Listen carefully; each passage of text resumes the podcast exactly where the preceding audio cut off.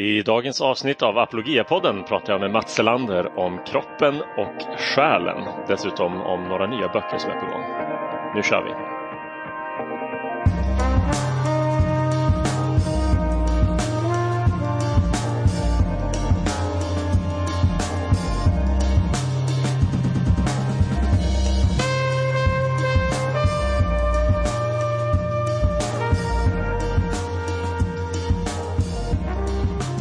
Välkomna tillbaka till eh, Apologia-podden. Kul att ni är med oss ännu en gång och jätteroligt att se att så många av er redan har laddat ner och lyssnat på avsnittet Föräldrar, tomtar och troll som jag och Stefan gjorde här eh, ganska nyligen. Eh, tack för respons på den också. Fortsätt att skicka synpunkter och frågor till Apologia-podden. Ni vet adressen kanske vid det här laget. Den är podd apologia.se. Podd stavas med två d och eh, ni får jättegärna skicka frågor som ni vill att jag ska ställa till Natasha Crane, författaren till boken Rusta dina barn som vi släppte under våren. Jag ska intervjua henne inom kort och eh, vill gärna ha med lite lyssnarfrågor i intervjun där. Så har du några frågor efter att ha läst boken Rusta dina barn? Eller om du inte läst boken och har några frågor om hur man som förälder eh, kan eh, förkovra sig i och använda apologetik för att hjälpa sitt barn eh, förstå och, och, växa i den kristna tron, ja, men dra iväg ett mejl till podd.apologia.se så kanske din fråga kommer med i intervjun eh, med Natasha Crane. Men eh, personen som sitter framför mig på skärmen nu är inte Natasha Crane utan vår egen Mats Selander. Hallå Mats! Hallå hallå, trevligt! Ja, kul att se dig igen. Hur är läget med dig och vad har du för dig i apologia-arbetet i dessa eh, distanserade tider?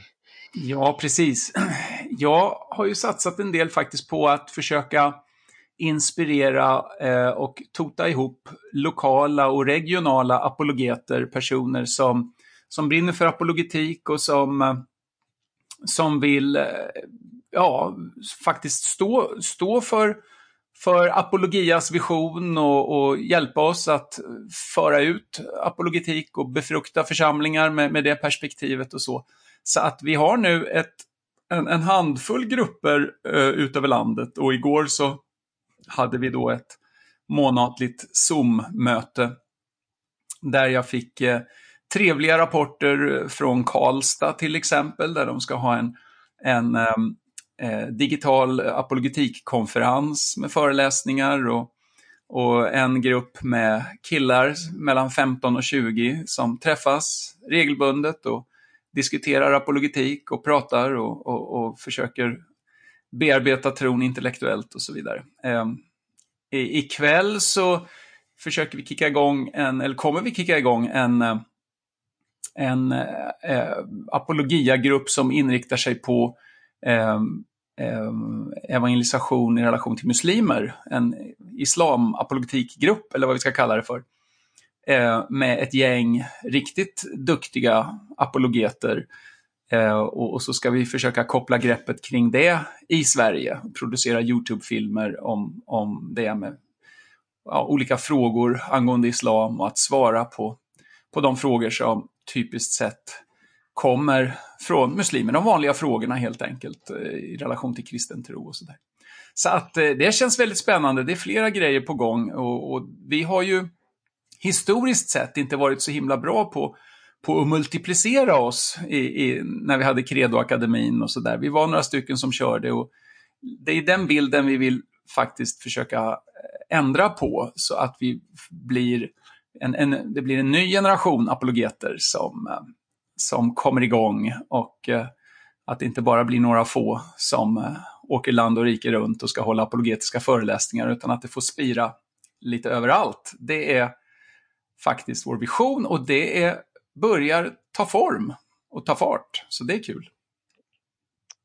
Det är, det är jättekul verkligen. Det är som du säger, det är, en, det är en viktig del av Apologias vision att det inte bara är så att vi, vi vill eh, hålla på och, och, arbeta som apologeter utan vi vill verkligen mobilisera en, en folkrörelse och, och, få till en, som vi brukar säga, en lite mer apologetisk kultur i församlingen. Alltså att, att församlingarna runt om i Sverige är, är rustade att, att möta apologetiska frågor och att de som kanske har särskild kallelse att jobba med apologetik får hjälp med mentorskap och, och sätt att, så att säga, organisera sig och, hitta på eh, saker lokalt. Så, så det, är, eh, det är toppen att du eh, är igång med det och kul att, att höra att du möter intresse och att grupper eh, liksom ploppar upp lite här och var. Även om eh, allt det här med grupper och möten och sånt är lite svårare än vanligt att liksom bygga upp i ett sånt här läge så, så gör vi vad vi kan för att Eh, ligga, ligga bra till när man sen kan börja träffas igen. Um, något annat som är på gång som ju har varit tydligt för alla som har, eh, följer oss via nyhetsbrev och kollar på hemsidan och sånt där är ju att du varit väldigt produktiv med skrivande och två nya böcker av dig går att uh, förbeställa i webbshoppen. Uh, jag vet inte vilken ordning du vill prata om dem men en heter Finns Gud om det moraliska argumentet för Guds existens. Det är lite uppföljare till boken om designargumentet, eller hur? Ja, den ingår ju i samma serie. Vi, vill ju, vi har skapat nu en, en, en serie av böcker och jag jobbar nu faktiskt på den tredje boken i den serien. Så tanken är ju att, att ta upp ett gudsargument och fördjupa oss i det. Eh, och, och, nu är det då det moraliska gudsargumentet som jag har fördjupat mig i och lä, läst in mig eh, på en del filosofer och, och resonemang och sådär. Så att det har känts väldigt roligt att få skriva den och, och berikande för mig att fördjupa mig i, i det argumentet. Det är också för övrigt det argument som, som jag själv finner mest vad ska jag säga, övertygande på ett personligt plan. Jag kommer ihåg som, som 14-årig ateist eh, hur jag hade starka moraliska övertygelser jag var ju lite av klassens samvete och reagerade när en, en, en tjej i klassen hade blivit kristen och blev mobbad för det. Så att, och då försvarade jag henne och sådär. Liksom, så jag var ju liksom en väldigt god ateist. på er vad man ska säga. Eh, men moral betydde väldigt mycket och moraliska övertygelser satt väldigt, väldigt starkt i mig. Och, och det, när jag då insåg att att jag, hade väldigt svårt att, att ge en, en grund för mina moraliska övertygelser utifrån ateismen. Vi är här av en slump, allt en, det finns liksom ingen mening med livet, ingen, ingen objektiv mening med människans existens. Det finns ingen design eh, som, i något avseende och inte då heller i moraliskt avseende. Vi är inte gjorda för lycka, vi är inte gjorda för att vara snälla mot varann. vi, vi, vi, vi är inte gjorda för någonting, eh, kort och gott. Och, och, och, när jag liksom insåg det där, då, då, då ja, men det var som att, som att min, min, min hjärna sa till mitt hjärta, vad, vad har du att förlora? Liksom, eh, när det gäller mening, moral, de här, ja, finns Gud så, så, så det, liksom, det är värt att chansa ungefär. Så det var ju det som låg bakom att jag bad min första bön. Eh, bland annat det här låg bakom det eh, som gjorde att tro föddes i mitt hjärta då, helt enkelt. Så det moraliska gudsargumentet är väldigt övertygande och lite kul, jag har faktiskt fått ett e-mail eh, och det har blivit en e-postdiskussion med en kille som, som heter David som, eh, som eh, berättade för mig att han, om han var aktiv eller medlem i Humanisterna, jag kommer inte ihåg, men, men genom den här boken eh, Gud och hans kritiker, som har ett kapitel om Richard Dawkins moralsyn och där där det moraliska gudsargumentet finns med liksom i bakgrunden. Att, att den här killen han sa att ja, men det här var så övertygande så att jag har, jag har lämnat eh, humanismen och jag har lämnat ateismen. Eh, och jag, jag tror att Gud måste finnas. Så jag är teist, men jag är ännu inte kristen. Eh, så, där. så att han och jag har en lång e-postdiskussion här, så det är kul. Men det här är ett väldigt potent argument. Eh, för det berör liksom inte bara något vetenskapligt och abstrakt, utan det berör liksom våra väldigt starka och väldigt personliga övertygelser om rätt och fel och ont och gott. Och, och, och det går liksom inte att leva eh, sitt vardagsliv utan att ta ställning till sådant. Och, och de, de flesta av oss tror faktiskt på moral och tror att det är mycket, mycket mer än en smakfråga. Man tror till och med att det är mer än en kulturell överenskommelse. Vi kritiserar andra kulturer, eh, både historiskt och geografiskt. Eh, eh som om nazisterna hade fel på riktigt. Liksom, eller som om kolonialisatörerna på 1800-talet eller slavdrivarna på 1800-talet och så vidare hade fel på riktigt, trots att det var acceptabelt i deras kultur och sådär. Så att, ah, det, och då blir frågan, ja, i kraft av vad är det sant att slaveri är någonting dåligt? I, I kraft av vad är det sant att man inte får utrota en folkgrupp, liksom bara för att man vill det, ungefär. Man kan ju tycka att det är så självklart, men så fort man börjar tänka på det så blir det faktiskt svårt att kunna motivera det utifrån en strikt naturalistisk eller ateistisk världsbild. Då. Så att, mm. ja, det, det är jättekul ja. att få komma ut med den boken. Mm. Det är jätteroligt. Jag tycker alltid frågan om eh, vilket gudsargument som man så att säga, tycker är bäst eller man har någon slags personlig favorit eh, eller sådär alltså, som har störst övertygande kraft för den personligen. Det tycker jag alltid är en intressant fråga att ställa till någon. Och det, det hörs på dig att eh, du skulle nästan vilja göra så att det här avsnittet handlade om, om det. Eh, men det är väldigt kul med den här, eh, med den här serien tycker jag. Alvin Planting har ju skrivit i någon artikel sådär, att det finns två, tre dussin bra argument för att Gud existerar. Så att vi får väl se, den här serien kanske kommer vara med oss ganska länge då, ifall du håller med honom. Men sen har du kommit ut med en annan bok också som heter Det anstötliga evangeliet. Vad, vad handlar den boken om? Ja, det är ju inte någon apologetisk bok i vanlig mening, utan det är ju mera, där skriver jag faktiskt mer från hjärtat eh, och det blir mer teologi. Men det är ju en frustration eh, från kyrkbänkens perspektiv eh, där jag upplever att kristenheten i Sverige och eh, inte minst ledarskapet eh, vågar inte, vill inte, eller vad det nu är, ta upp delar av den kristna trons kärna som man uppfattar som politiskt inkorrekta eller svårsmälta och så. Vi, vi talar mycket om Guds kärlek och Guds nåd, men vi talar sällan om synd, omvändelse och dom. Eh, och, eh, men Bibeln talar mycket om de sakerna, eh, tillräckligt mycket, och Jesus pratar tillräckligt mycket om det Eh, för att vi faktiskt inte ska undvika det. Och, och, ändå så är det som att vi har problem med det. Vi, vi har inte omfamnat de delarna. Och, och, och, och, trots det så är det många som då säger ungefär så här att ja, men jag vill bara förkunna Jesus eller jag vill bara förkunna evangeliet.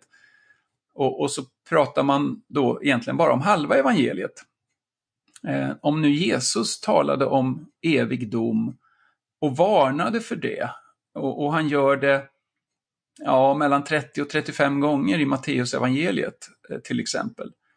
Eh, det blir ungefär en och en halv vers per kapitel där Jesus undervisar. Eh, det finns ju många kapitel som bara är berättande, men i de kapitel där Jesus citeras och återges så, så blir det ungefär en och en halv vers. Och då är det ofta så att kapitlen liksom leder fram till ett slutscenario som, som betonar att det kommer en dom och, och i ljuset av den måste vi tro på Jesus och vända om från våra så att säga, liv utan honom.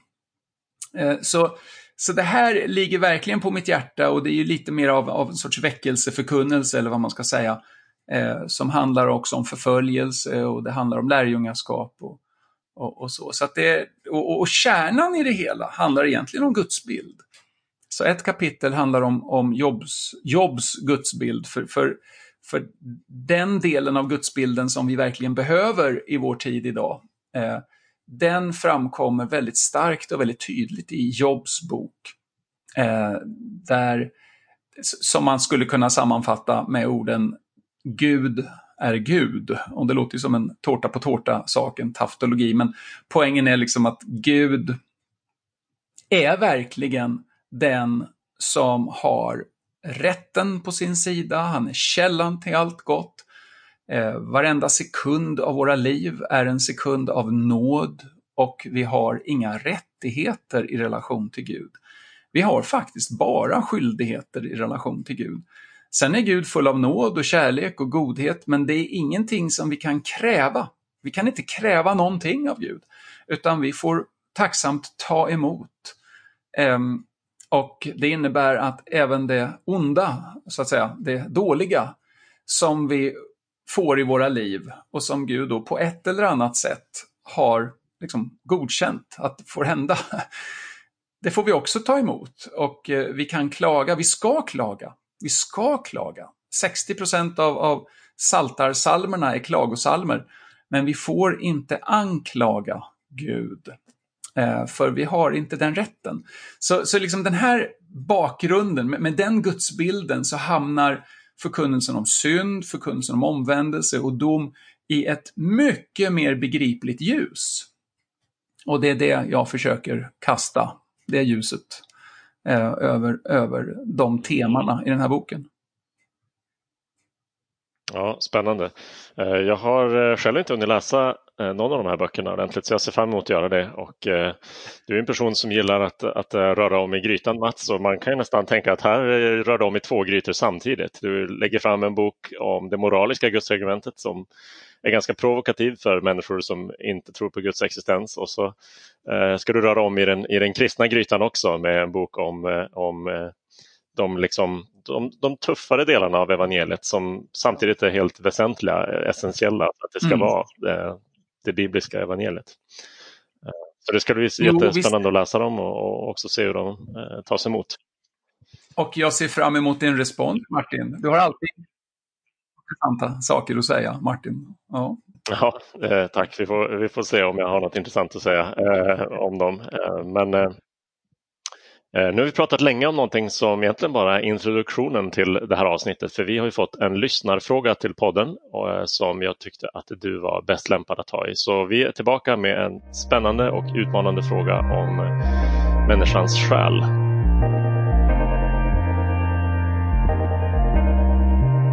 Ja, men du Mats, då ska vi ta tag i en lyssnarfråga. Det är jättekul när eh, lyssnare skickar in olika eh, frågor för oss att diskutera och här har vi fått en, eh, en viktig och tror jag egentligen vanlig fråga men eh, den är inte desto mindre svår för det och eh, den låter så här, den kommer från Johan i Skellefteå. Hur ska vi tänka kring människans ande i förhållande till vår materia, främst hjärnan då?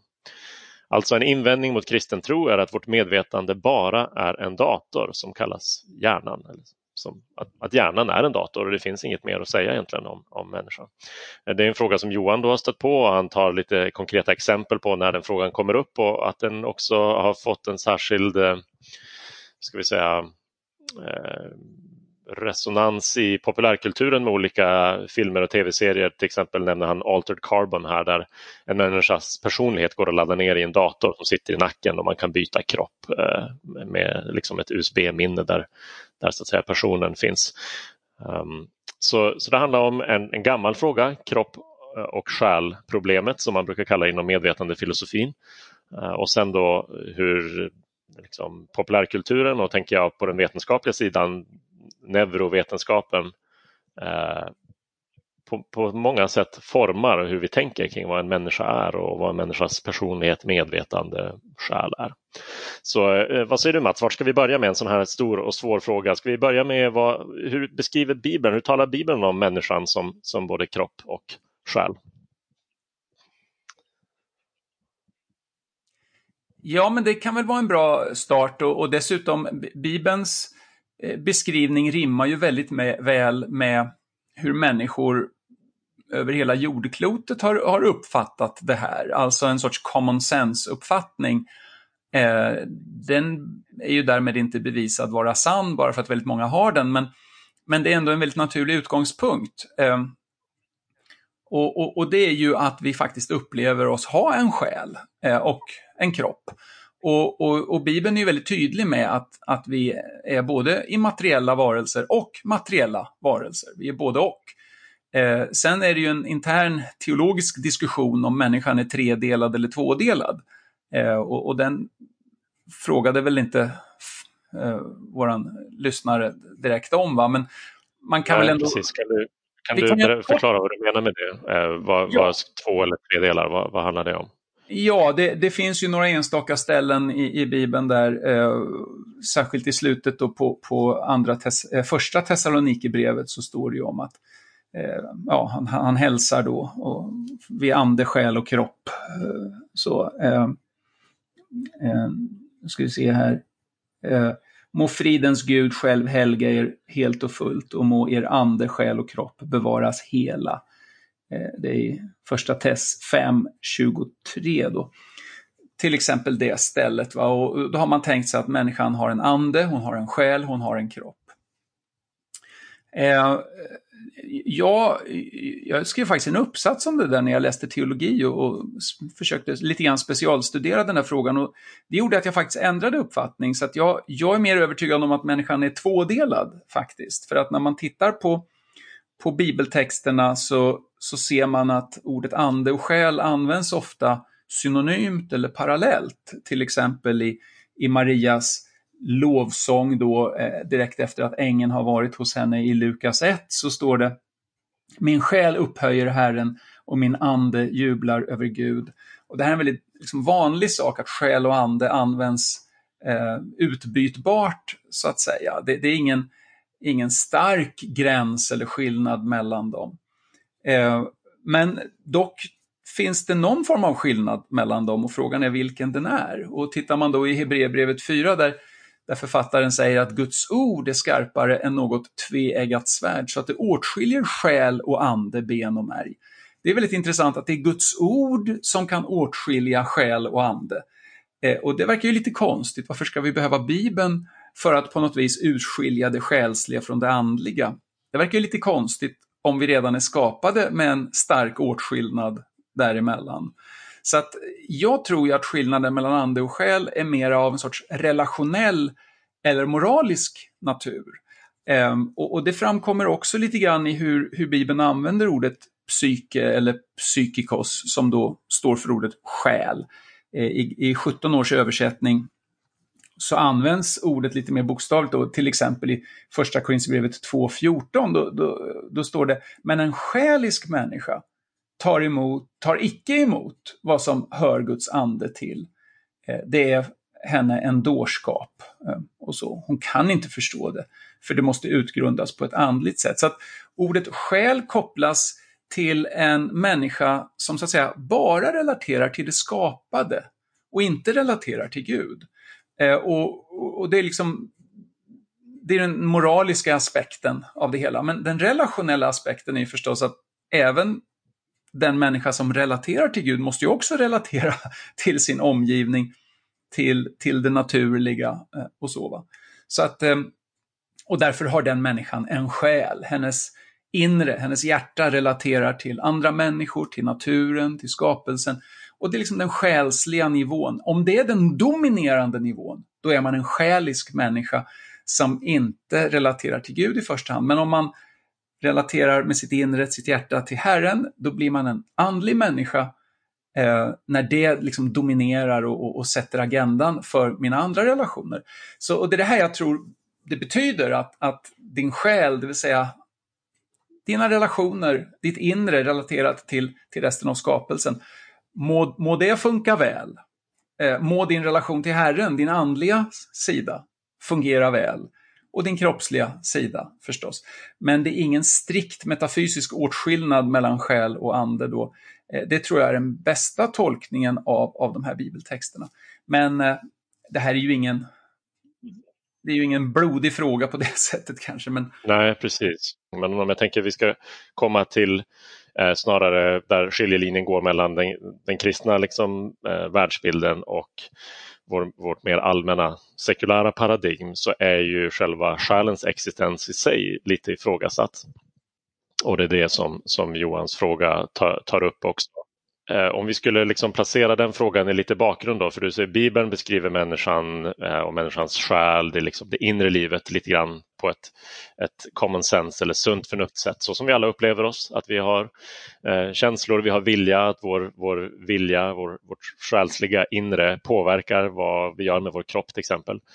Samtidigt så har ju de, de, senaste hundra åren har vi bara lärt oss mer och mer om hjärnan och vilket påverkan hjärnan som fysiskt organ har på eh, vårt själsliv. Alltså vad en fysisk hjärnskada gör med, kan åstadkomma personlighetsförändring, eh, avsaknad av vissa eh, signalsubstanser kan eh, orsaka nedstämdhet som man kan behandla då så att personligheten blir mer återställd till, till liksom en mer balans och så vidare. Så det är så uppenbart att det finns starka kopplingar mellan särskilt hjärnan, eh, eh men, men vår kroppsliga sida allmänt och vår själsliga sida. Så eh, det här har ju fått, det här har liksom ifrågasatt hela på något sätt möjligheten av att det ska finnas en själ. Kan du, kan du hjälpa oss att förstå lite grann inramningen till varför vår kultur har svårt att ge utrymmet för den själsliga sidan? Ja, jag vet inte om jag kan redogöra för det, men för egentligen så ser jag inte någon, någon, någon, någon principiellt stor skillnad i det att vi har lärt oss mer om hjärnan och att Alltså det, det, det är på något vis den materialistiska eller naturalistiska förutsättningen i bakgrunden eh, som, som snarare är problemet. För tänk efter, jag menar vår själ relaterar ju väldigt starkt till, till låt oss säga, lilltån också. Slår jag i lilltån väldigt, väldigt, väldigt illa så gör det väldigt ont i min själ. jag menar, vi, vi, eh, och då är frågan så här, jaha, eh, jaha, nu har vi lärt oss mer om lilltån här. Eh, jaha, betyd, vad, vad, betyder det för själslivet? Ja, det betyder att de är kopplade, okej? Okay? Eh, men, men vad mer betyder det då? Inte sådär jättemycket mer. Och, och, jag skulle nog hävda att det är ungefär samma sak med hjärnan faktiskt. Alltså, eh, hjärnan eh, vi, vi, kan identifiera vissa områden i hjärnan som, som har hand om olika själsliga funktioner, visst är det så. Men, men i, i, utifrån den medvetande filosofi som jag har både undervisats i och undervisat så, så eh, menar jag att det finns eh, principiella eh, radikala skillnader mellan medvetandet å ena sidan och hjärnan å andra sidan. Och jag vågar till och med påstå att vi i det närmaste kan filosofiskt bevisa att de inte är samma sak. Eh, ja, men det är det vi behöver komma till. Kan du, kan ja. du rada upp lite av, av dem, så att säga. vad är de principiella åtskillnaderna? För jag tänker att det det handlar lite om här är um, helt enkelt uh, argument för att, att vi faktiskt har en själ, att människan har en immateriell sida på något sätt. Eller att människan inte går att reducera bara till, till uh, en klump materia. Vad är några av de argumenten? Ja, men ett argument är ju eh, det som kommer från Leibniz som, som handlar om identitet. Eh, om jag till exempel ska jämföra två saker och, och, och, så frågar jag mig, kan jag sätta ett likhetstecken mellan dem? Jag skulle till exempel, om jag tar mig själv som exempel, då, Mats Selander, eller om vi då tar mina föräldrar då heter Bosse och Elvy. Bosse och Elvys äldsta son. Är, det, är, är han densamme som Mats Selander? Och då kan man liksom fråga mina föräldrar om en massa saker. Ja, er äldsta son, hur lång är han? Eller vad har han gjort i livet? Och vilken hårfärg har han? Och så vidare. Så gör du en lång lista på egenskaper som Bosses och El Elvis äldsta son har. Och sen så tittar du på Mats Elander, förlåt mitt självupptagna exempel här då, men så frågar du honom då, vad, ja, vad har du för hårfärg och ögonfärg och längd och så vidare. Och så listar du massa egenskaper som Mats Selander har. Och sen jämför du de här två listorna och, och eh, då kan de ju innehålla en del olika egenskaper. Eh, men det, men, men det kan vara så pass många samma egenskaper att du till sist drar slutsatsen att nej, men de här är samma. Det är samma person det handlar om. Det är ett likhetstecken emellan. Det stämmer. Du kan kanske inte slutgiltigt på alla sätt bevisa det nödvändigtvis sådär bara genom en abstrakt undersökning, men, men men, men, om, men om det visar sig att, att listorna innehåller oförenliga egenskaper, då kan du vara säker på att de inte är samma sak. Och, och gör vi då det här med, med hjärnan och medvetandet så kommer vi faktiskt fram till att de innehåller oförenliga egenskaper. Och eh, Titta då på hjärnan. Vad har den för egenskaper? Ja, den har en färg, den är lite grårosa, den har en vikt, 1,5 till 1,5 kilo. Den har en form, den är veckad på särskilda sätt. Ehm, medvetandet, vad har det för färg? Vad har det för form? Vad har det för vikt? Eh, det, det, det, tycks inte som att faktiskt medvetandet har någon färg eller form eller vikt överhuvudtaget när vi så att säga bara tittar på medvetandet. Ehm, det här inte något avgörande bevis, va? Men, men vi börjar se här att oj, egenskaperna är väldigt olika i de här två listorna. Sen är då frågan, finns det några egenskaper som absolut motsäger varandra? Och då finns det åtminstone en, det finns nog flera, men en är ju den här. Att hjärnan kan studeras av någon annan. En hjärnkirurg kan titta på din hjärna, eh, eh, undersöka den och så vidare direkt. Men ditt medvetande kan ingen tredje, andra eller tredje person undersöka direkt, utan det är bara du som så att säga kan undersöka ditt medvetande direkt.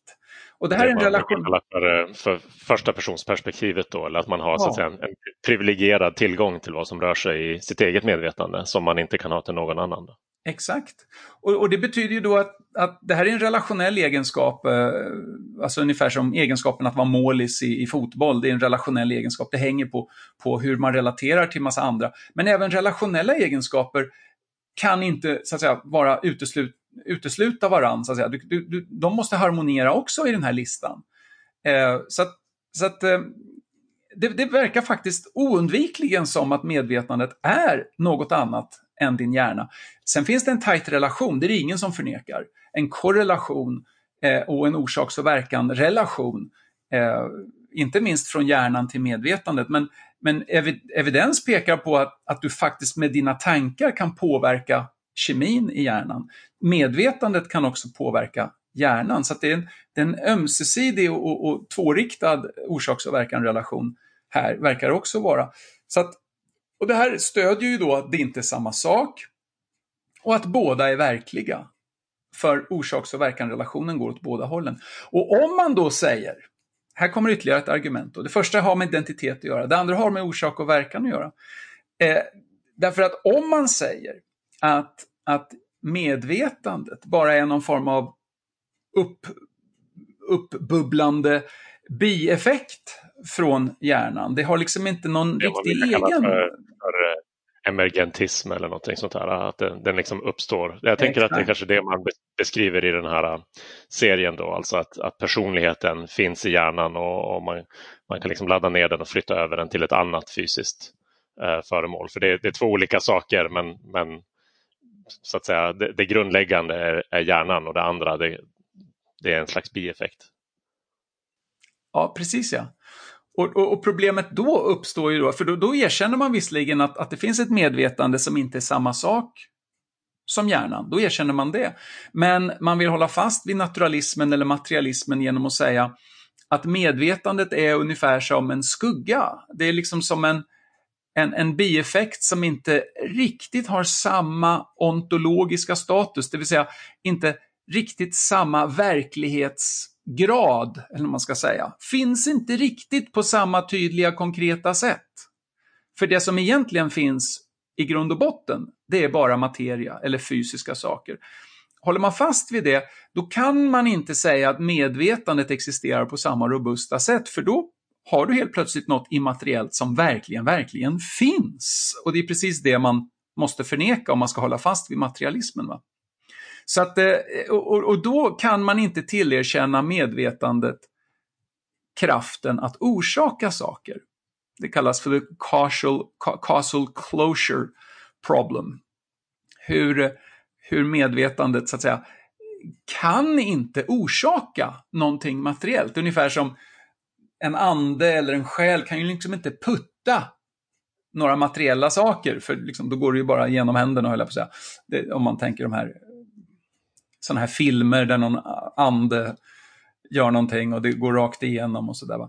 Det är, lite, det är lite paradoxalt då, för, för att skjuter man en pil genom en sån där ande, då går den bara rakt igenom. Men, men anden själv kan springa omkring med ett svärd och hugga orker eller någonting sånt där i, i The Lord of the Rings till exempel. det, är liksom, det går inte riktigt ihop. Men, och det är den problematiken man, man ser då som materialist att nej, det andliga, det själsliga kan inte påverka det materiella, men då får man ett enormt problem. Och det lyder som följer. Det betyder att när du agerar, när du handlar med din kropp, så gör du det aldrig av ett gott skäl. Utan du gör det bara av materiella orsaker i din hjärna, men aldrig på grund av innehållet i en tanke. Aldrig på grund av innehållet i en vilja eller i en känsla. Det är aldrig det mentala innehållet i sig som kan påverka någonting. Och det betyder att all rationalitet försvinner ut genom fönstret. För att det, du, du gör aldrig någonting överhuvudtaget på grund av själva trosföreställningarna som du har. Om jag till exempel tror att snart börjar det regna och det är därför jag tar paraplyt. Nej, Det är det inte. Utan det är snarare så att du har ett, ett materiellt tillstånd i din hjärna, en konfiguration av atomer och så vidare, elektroner i din hjärna. Som gör två saker. Det ena är att den ger upphov till tanken. Det regnar. Och det andra är att den ger upphov till att du tar paraplyt. Problemet är bara det att den här hjärnkonfigurationen skulle kunna ge upphov i princip till vilken tanke som helst. Det spelar ingen roll, du kommer ta paraplyt i alla fall. Du skulle kunna ge upphov till tanken att det är sol ute och jag behöver inget paraply och du tar paraplyt. Eller Stockholm är Sveriges huvudstad och du tar paraplyt. Eller eh, New York är en, eh, finns på månen och, och, du tar paraplyt. Det spelar ingen roll vilket innehåll du har i din tanke.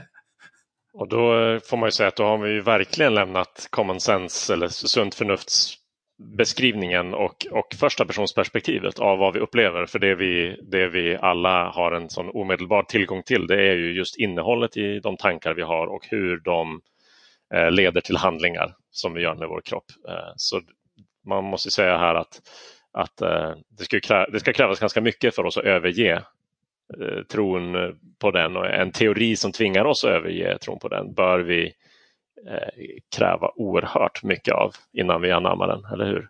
Det, det, är nästan omöjligt att se varför vi skulle vilja, hur vi skulle kunna vara beredda att, så att säga, offra den eh, förståelsen av, av oss själva som handlande subjekt. Nej, men du, du har rätt där Martin, att, att det, det, där är verkligen en, en viktig fråga. Att när man överger ett visst perspektiv, då kan man inte överge det lättvindigt. Särskilt inte om, om det är ett väldigt starkt perspektiv. Man upplever det liksom oundvikligen på det här sättet, eh, då krävs det överväldigande bevisföring eh, för motsatsen och det tycker jag saknas i den här frågan. Så att, eh, sen har vi ett tredje argument också och det är ju att eh, eller ja, det finns ett helt gäng, men, men en sak som jag tänker på nu är ju det som John Searle kallar för det kinesiska rummet. Som innebär att, att eh, medvetandet, till skillnad från datorer, eh, har en semantisk nivå. Eh, ungefär det här om du går till bibliotekarien och frågar eh, har ni böcker om numismatik? Kanske du frågar om. Och, och, bibliotekarien har ingen aning om vad det ordet betyder men slår in det i sin dator och säger ja, det är hylla 17c. Uh, eh, jaha, då har den personen lyckats eh, bearbeta informationens syntax som det kallas för. Eh, men personen har ingen aning om vad det betyder. Eh, och, och, sen kollar hon upp det och ser att numismatik då betyder ju läran om mynt och sådana saker. Va? Och för, har, får då en semantisk förståelse av ordet. Men hon kunde behandla informationen och ordet på ett helt korrekt sätt även innan hon hade den semantiska förståelsen. Eh, ett liknande exempel tar John Searle då med det kinesiska rummet. Alltså, låt oss säga att du har en låda och i den lådan så sitter du Eh, och där har du då en, en, massa små lappar och en instruktionsbok och så står ett gäng kineser utanför och de stoppar in eh, eh, frågor skrivna på kinesiska med kinesiska tecken och du kan ingenting om de kinesiska tecknen. Men utifrån manualen så kan du klura ut vilken lapp du ska putta ut i andra änden. Och då går kinesen runt och får en lapp eh, som svar då. Och kinesen vet inte vad som finns i lådan. Liksom. Han stoppar bara in en fråga och sen får ut ett svar och tycker ah, Lådan kan tänka. Lådan har svarat mig. Eh, och, och, du är ju där inne, men du har ju ingen aning om frågan och du har ingen aning om svaret. Du har bara följt manualen. Det är ännu ett exempel då på att du bearbetar informationens syntax, men du har ingen som helst aning om semantiken, alltså själva betydelsen. Och, och det här är en bild av vad datorer gör. Datorer eh, har syntax, bearbetar information syntaxmässigt, men vet inte vad som händer. Har ingen förståelse, fattar ingenting faktiskt. Och, det är ingen hemma som man brukar säga. det, är, det är ingen hemma. Och det är därför det lönar sig inte att sparka på sin dator eller bli arg på den, för den förstår ingenting. Men däremot så gör vi människor det. Vi har ett medvetande och, och det, det, medvetandet har semantik. Hjärnan har syntax. Hjärnan bearbetar information som en dator, ja. Men den förstår ingenting. Eh, och det här märker vi, jag menar hjärnan gör ju en massa saker som vi inte har i vårt medvetande. Den styr mitt hjärta och den, styr, den, gör, den puttar ut en massa information till min kropp hela tiden som jag är helt omedveten om. Och det är just syntaxinformation. Som en dator, som en maskin. Va? Men, men medvetandet är någonting annat. Det är en semantisk nivå och den kan inte imiteras, ja den kan imiteras, men den kan inte eh, likställas med det som händer i en dator. Det är en annan nivå. Det är ett kategorimisstag att likställa de här två. Det här är någonting som John Searle och många medvetande filosofer har tagit upp som en avgörande skillnad mellan rent materiella saker å ena sidan, som hjärnan till exempel, eller datorer, eh, och, och sen då medvetandet å andra sidan. Ja, men eh, om vi skulle sammanfatta nu, det här med medvetandefilosofi blir ju snabbt eh, väldigt eh, omfattande och, och, komplicerat, Mats. Men eh, vad jag hör dig säga då är ehm, eh, hittills, eller säga, det du har tagit upp idag, är, är tre argument och det är argumentet mot identitet och så har vi argumentet eh, utifrån kausalitet, alltså att eh, vårt medvetande faktiskt orsakar eh, har, har liksom materiella effekter. Och sen då eh, argumentet om semantik här då, att meningen spelar roll och, och att hjärnan eh, eh, Skillnaden mellan medvetandet och en dator i att vi inte bara kan behandla symboler utan faktiskt förstå innebörden i dem. Så det, det är tre skäl eh, och jag tänker att vi får stanna där idag innan det här blir eh, för långt. Men jag skulle vilja ställa en sista fråga, för du har nämnt här då inledningsvis att Eh, det handlar egentligen inte om att vi lär oss mer om hjärnan. Det påverkar inte de principiella frågorna och du sa någonting i början här om att det är, ju, det är så att säga förutsättningarna eller filosofin bakom. Så om man tänker så här då att eh, synen på människan som något som går att reducera till någonting materiellt har ju sammanfallit kronologiskt och historiskt med rörelsen bort från den kristna och teistiska världsbilden. Om det nu är då så att vi har så starka och goda argument för att människans medvetande är verkligt, att vi verkligen har en själ. Har det någon, någon liksom eh, effekt tillbaka på, någon, någon bäring tillbaka på frågan om Guds existens, anser du? Alltså kan, kan argumenten för att vi verkligen har en själ som inte bara är materiell, har, har det någon slags, är det ett argument för att det existerar eh, Eh, ett gudomligt medvetande som inte går att reducera till naturen, till, eh, till det materiella. Ja, det handlar ju om vilken världsbild som, som olika så att säga, erfarenheter får plats i. Och eh, både argument och erfarenheter. Och, och, och, här är det ju då så att, att eh, om, om nu själen inte får plats i en naturalistisk världsbild och vi har goda skäl att tro att själen finns, då har vi goda skäl att leta efter en världsbild som ger plats åt själen. Så på det sättet så blir det ett argument för en teistisk världsbild, men det blir också ett argument för kanske en panteistisk världsbild, eller för, för vilken andlig eller religiös världsbild du vill, som, som ger själen eh, ett, ett tillräckligt stort utrymme, kort och gott. Eh, men om, om striden står mellan naturalism och teism, eh, eh, och det är bara den debatten vi tittar på, ja då blir det ju ett argument för gudstro. Det blir det ju förstås. Man kan ju också tänka sig ett sorts analogiargument att om vi inte kommer ifrån själen, det själsliga finns, det, det, det kan vi liksom inte förneka, utifrån vår egen upplevelse av oss själva helt enkelt.